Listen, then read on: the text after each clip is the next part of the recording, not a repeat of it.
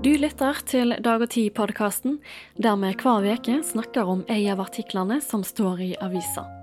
Gjest denne veka er Atle Grønn, som har skrevet artikkelen 'Vår tids.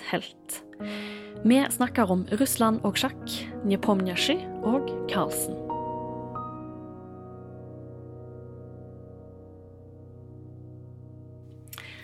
Velkommen, Atle Grønn. Takk for det. Du er professor i russisk ved Universitetet i Oslo, internasjonal mester i sjakk, forfatter og skribent i Dag og Tid, der du skriver spaltene Fra ei anna vær og Fra sjakkværa. Denne veka så har du skrevet en artikkel om sjakk-VM, og der peker du ut russeren Jan Nipomnesjy som den sterkeste konkurrenten til Magnus Carlsen. Og vi skal jo selvsagt snakke om Nipomnesjy og Carlsen i dag, men først um, Da jeg leste artikkelen din, så ble jeg veldig nysgjerrig på hvorfor du åpna med å nevne Lermontovs 'Vår tids helt', mm. en russisk roman fra 1840. Og da er jo òg tittelen på artikkelen din. Mm. Så hva var det som fikk deg til å tenke på denne romanen når du skulle skrive om VM-utfordrere i sjakk? Ja, jeg satt jo foran datamaskinen, og så reiste jeg meg. For jeg, jeg, jeg manglet inngangen. Og så så jeg litt ut av vinduet og spaserte litt på kontoret, og så plutselig så satt den vår tids helt. Og det er jo fordi eh, Det er egentlig, egentlig, mange grunner, men det er jo fordi eh, sjakk har en så spesiell stilling i, i Russland.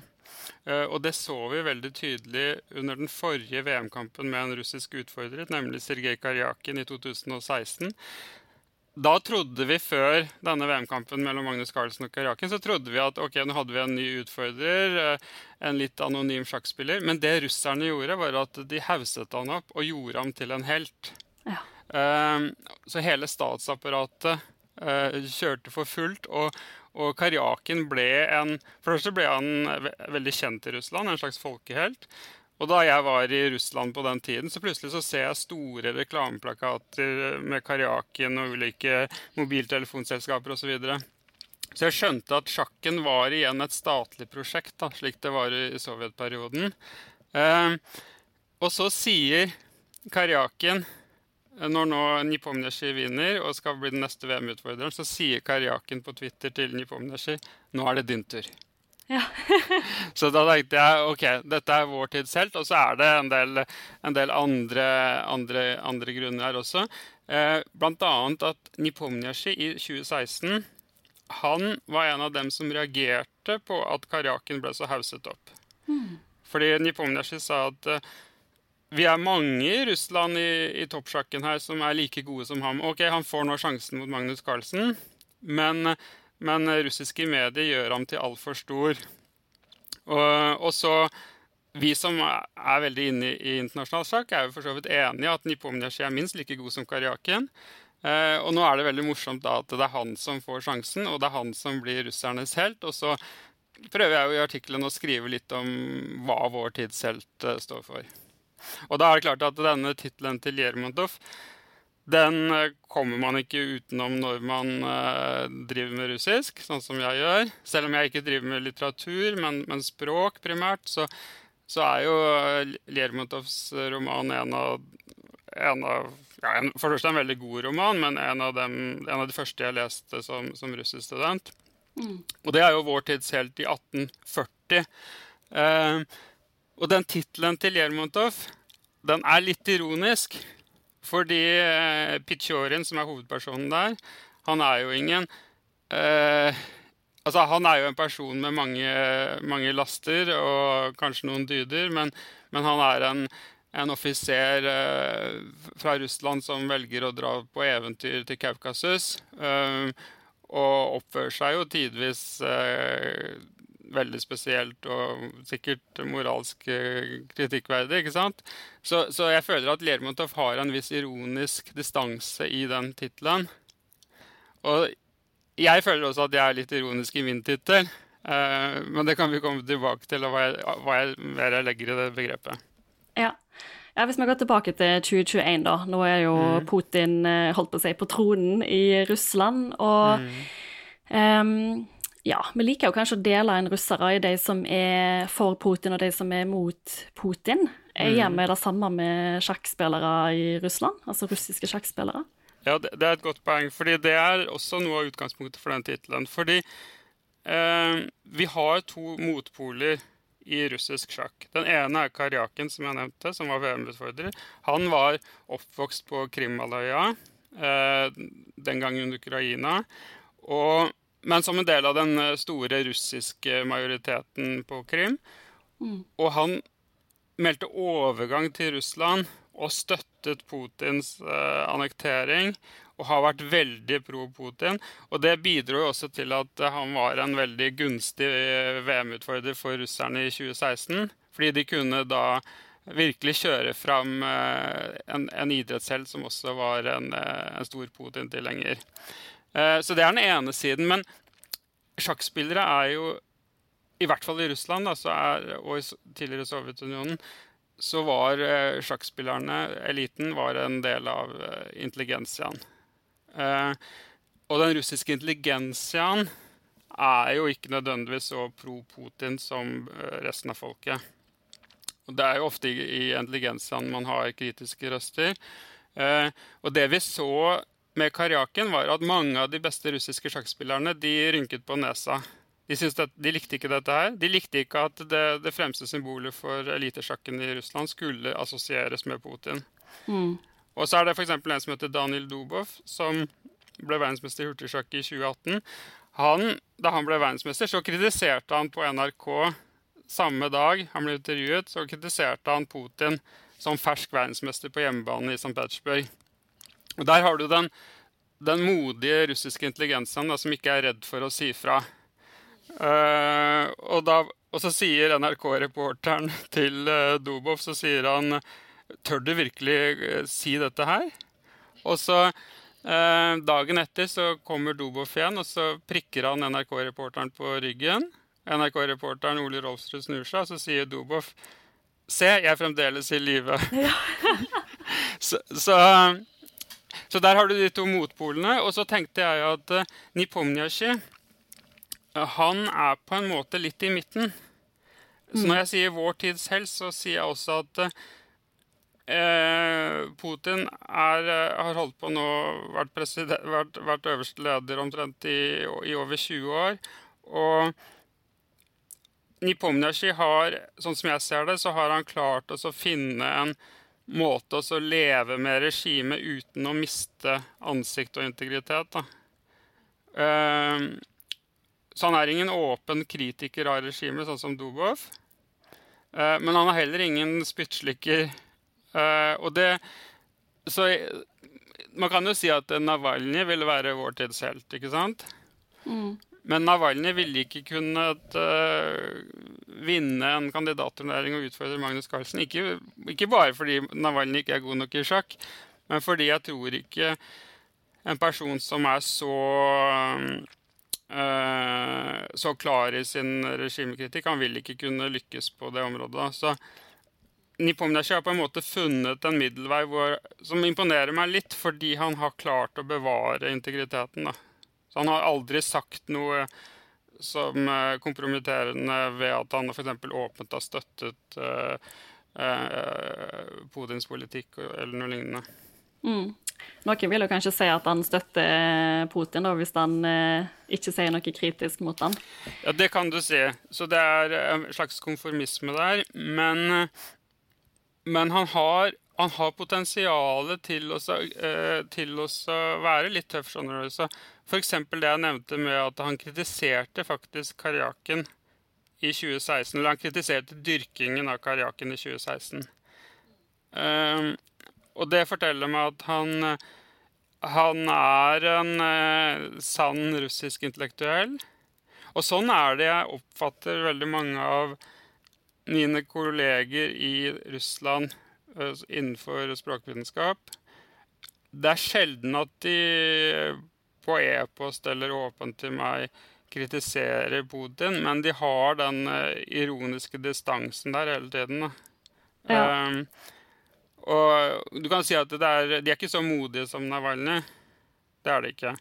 Men, men som Kasparov sier Kasparov sier ok, han kan dra til Russland, tilbake til Russland og bli drept, uh, sier Kasparov. Men så sier han også hvorfor skal jeg velge martyrdøden Mm. Tross alt, ok, man, man må Det er enormt eh, imponerende for så vidt det Navalny gjør, men, men det er urealistisk å forvente det av alle. Da er det definitivt. Ja. ja. Men apropos, eh, ja, du er jo som vi vet eh, professor i russisk språk. Mm. Og eh, ja, og Nepomnysky er det er jo han vi snakker om, og han er jo den sterkeste kandidaten til Karlsen. Men han har jo òg et fryktelig vanskelig navn. Mm. Um, og jeg syns det var veldig gøy når jeg leste artikkelen din i Dag og Tid, at du hadde lagd en liten boks der du forklarer hva Nepomnysky betyr. Fordi mhm. navnet har jo en veldig interessant betydning. Ja, ja, det, er jo, ja. det er et veldig morsomt navn. Så, uh, og du har jo studert russisk, så du vet jo det selvsagt. Men det er jo, for mange lesere så er, er, det vel ny informasjon. Og jeg skjønner jo at for mange lesere så er dette informasjon de kan klare seg uten. Men uh, hvis man er litt språknerd, så er det morsomt. Fordi nipomnyashi har, som du sier, en, en, klar betydning. Og det første er jo nje, som, er, uh, som minner jo litt om njet, som mange har hørt om. Så nje er jo nektelsen. Så det er, det er, noe som er nektet her, ikke. Og så er det dette, denne pomnia, som er uh, verbet pomnik, som betyr å huske. Så det er uh, stammen av verbet å huske. Så uh, nipomnia betyr altså ikke huske.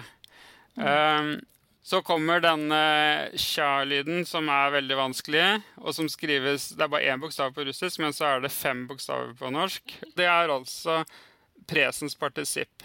Uh, aktivt presens partisipp. Og det betyr at, Siden det er aktivt, så betyr det at uh, det er ikke han som ikke blir husket, men det er han som ikke husker. Uh, og den siste endelsen der i, det er rett og slett hankjønn entall nominativ.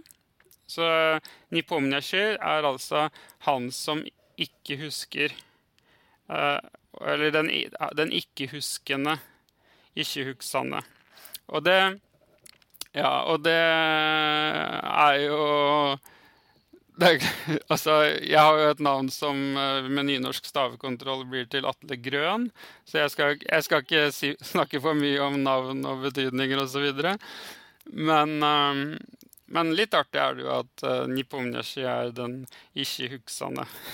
ja, sant. For han lever kanskje ikke helt opp Han lever kanskje ikke helt opp til, til navnet sitt. Nei, altså hvis du er virkelig ikke-huksende sjakkspiller, så har du et problem.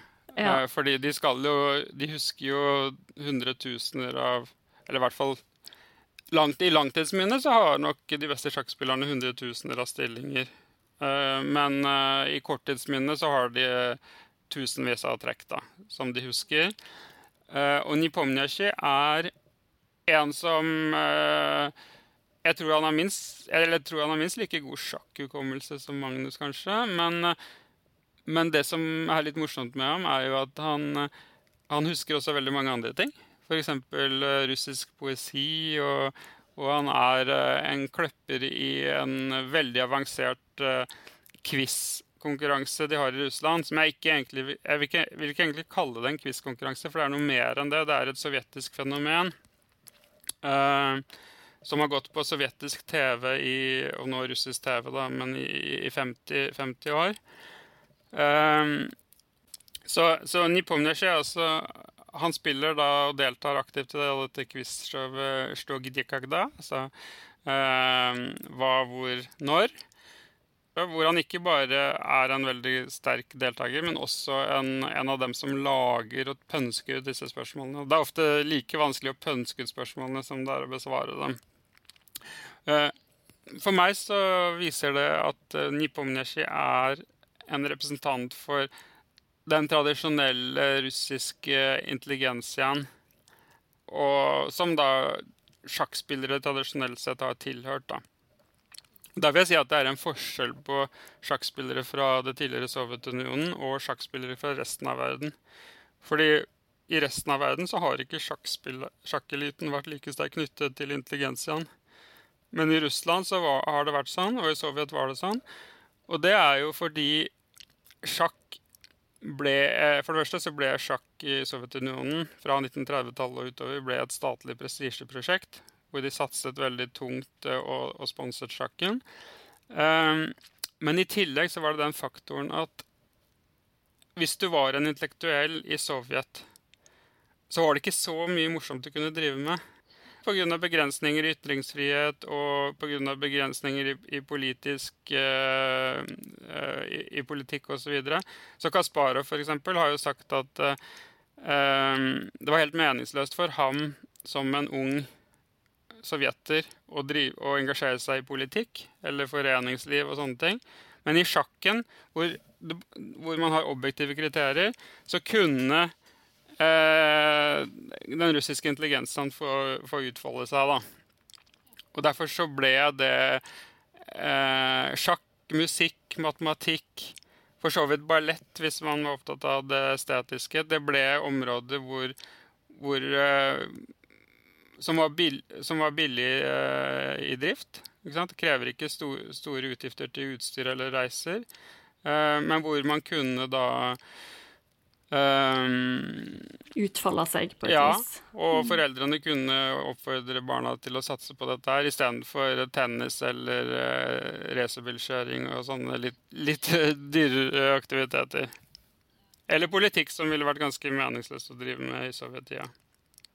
Uh, det er jo to forskjellige historier her. Altså, når vi snakker om sjakkens uh, uh, gullalder i, i, i, i, historien, så er jo det sovjetperioden, vil mange si. Uh, og så trodde jo vi at uh, med Sovjetunionens oppløsning i 1991 så, så trodde vi at alt skulle endres i Russland. Og vi var også forberedt, vi i sjakkmiljøet var forberedt på at nå forsvinner sjakken. Eller ikke forsvinner, men den, den dør litt ut, sånn som uh, skøyter i Norge. ikke sant? Sjakk, sjakken blir noe nostalgisk som man drev med på 50-tallet.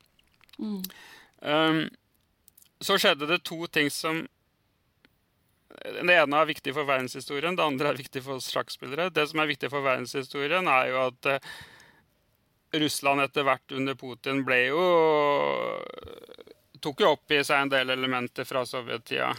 Um, og det, så igjen så ble Russ Russland politisk uh, ufritt på en del områder. Um, men så skjedde også det for oss sjakkspillere som var uventa. Um, I hvert fall vi som opplevde 1991.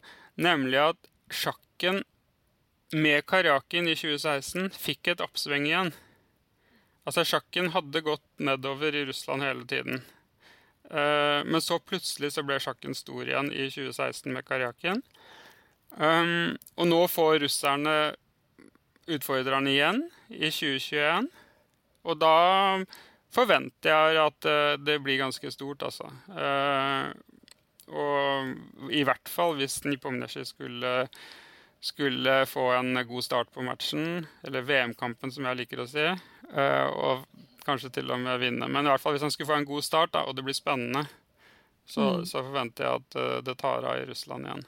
Og det er viktig, fordi Russland er jo det store sjakklandet tradisjonelt sett.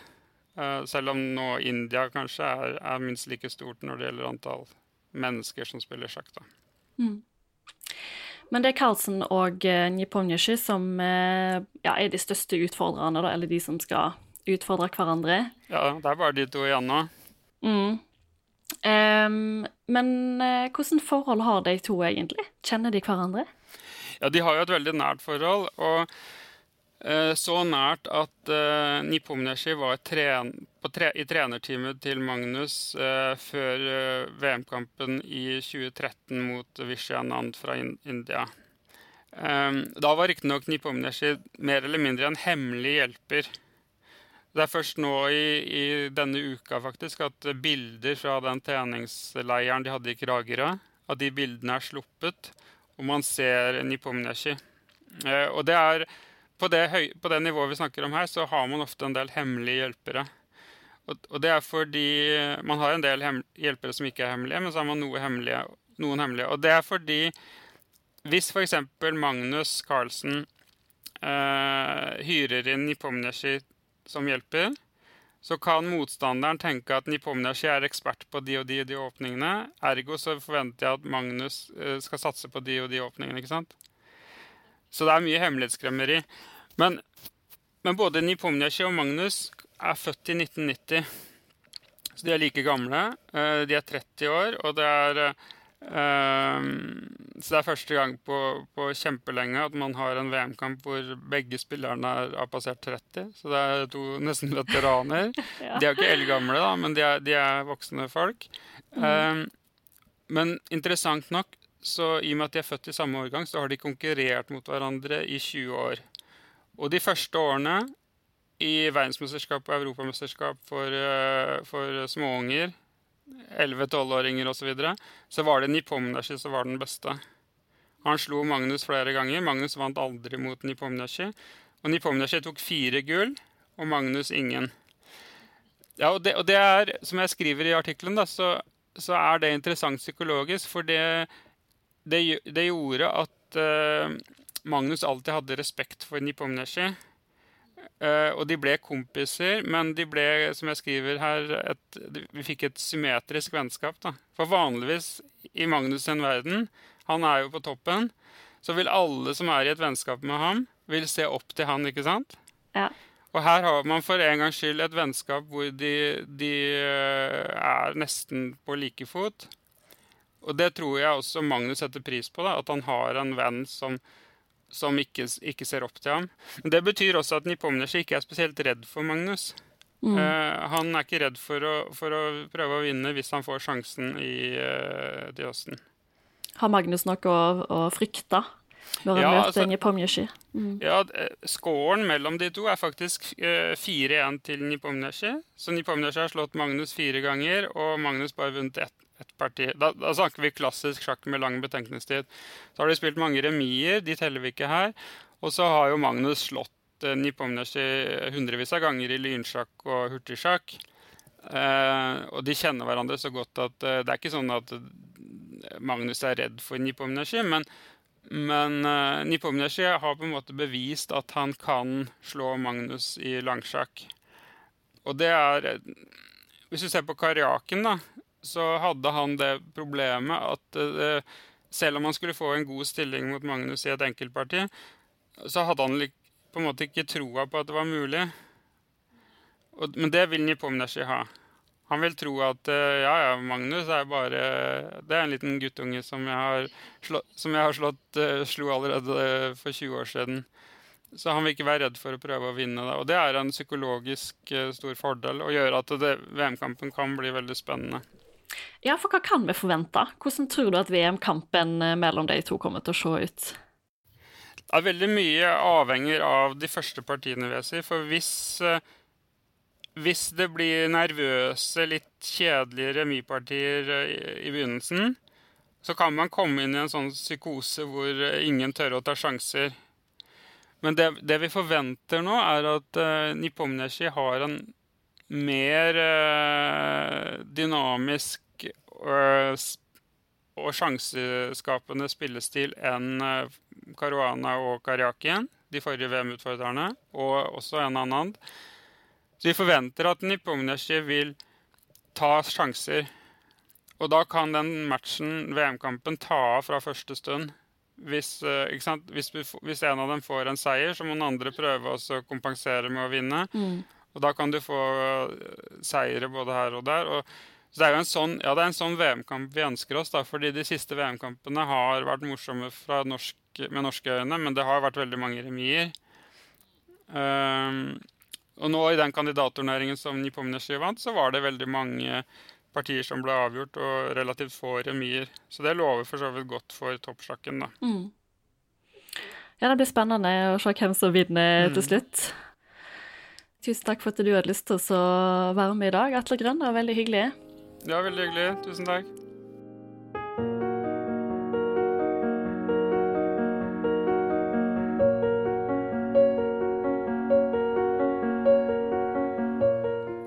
Du lytter til Dag og Tid-podkasten.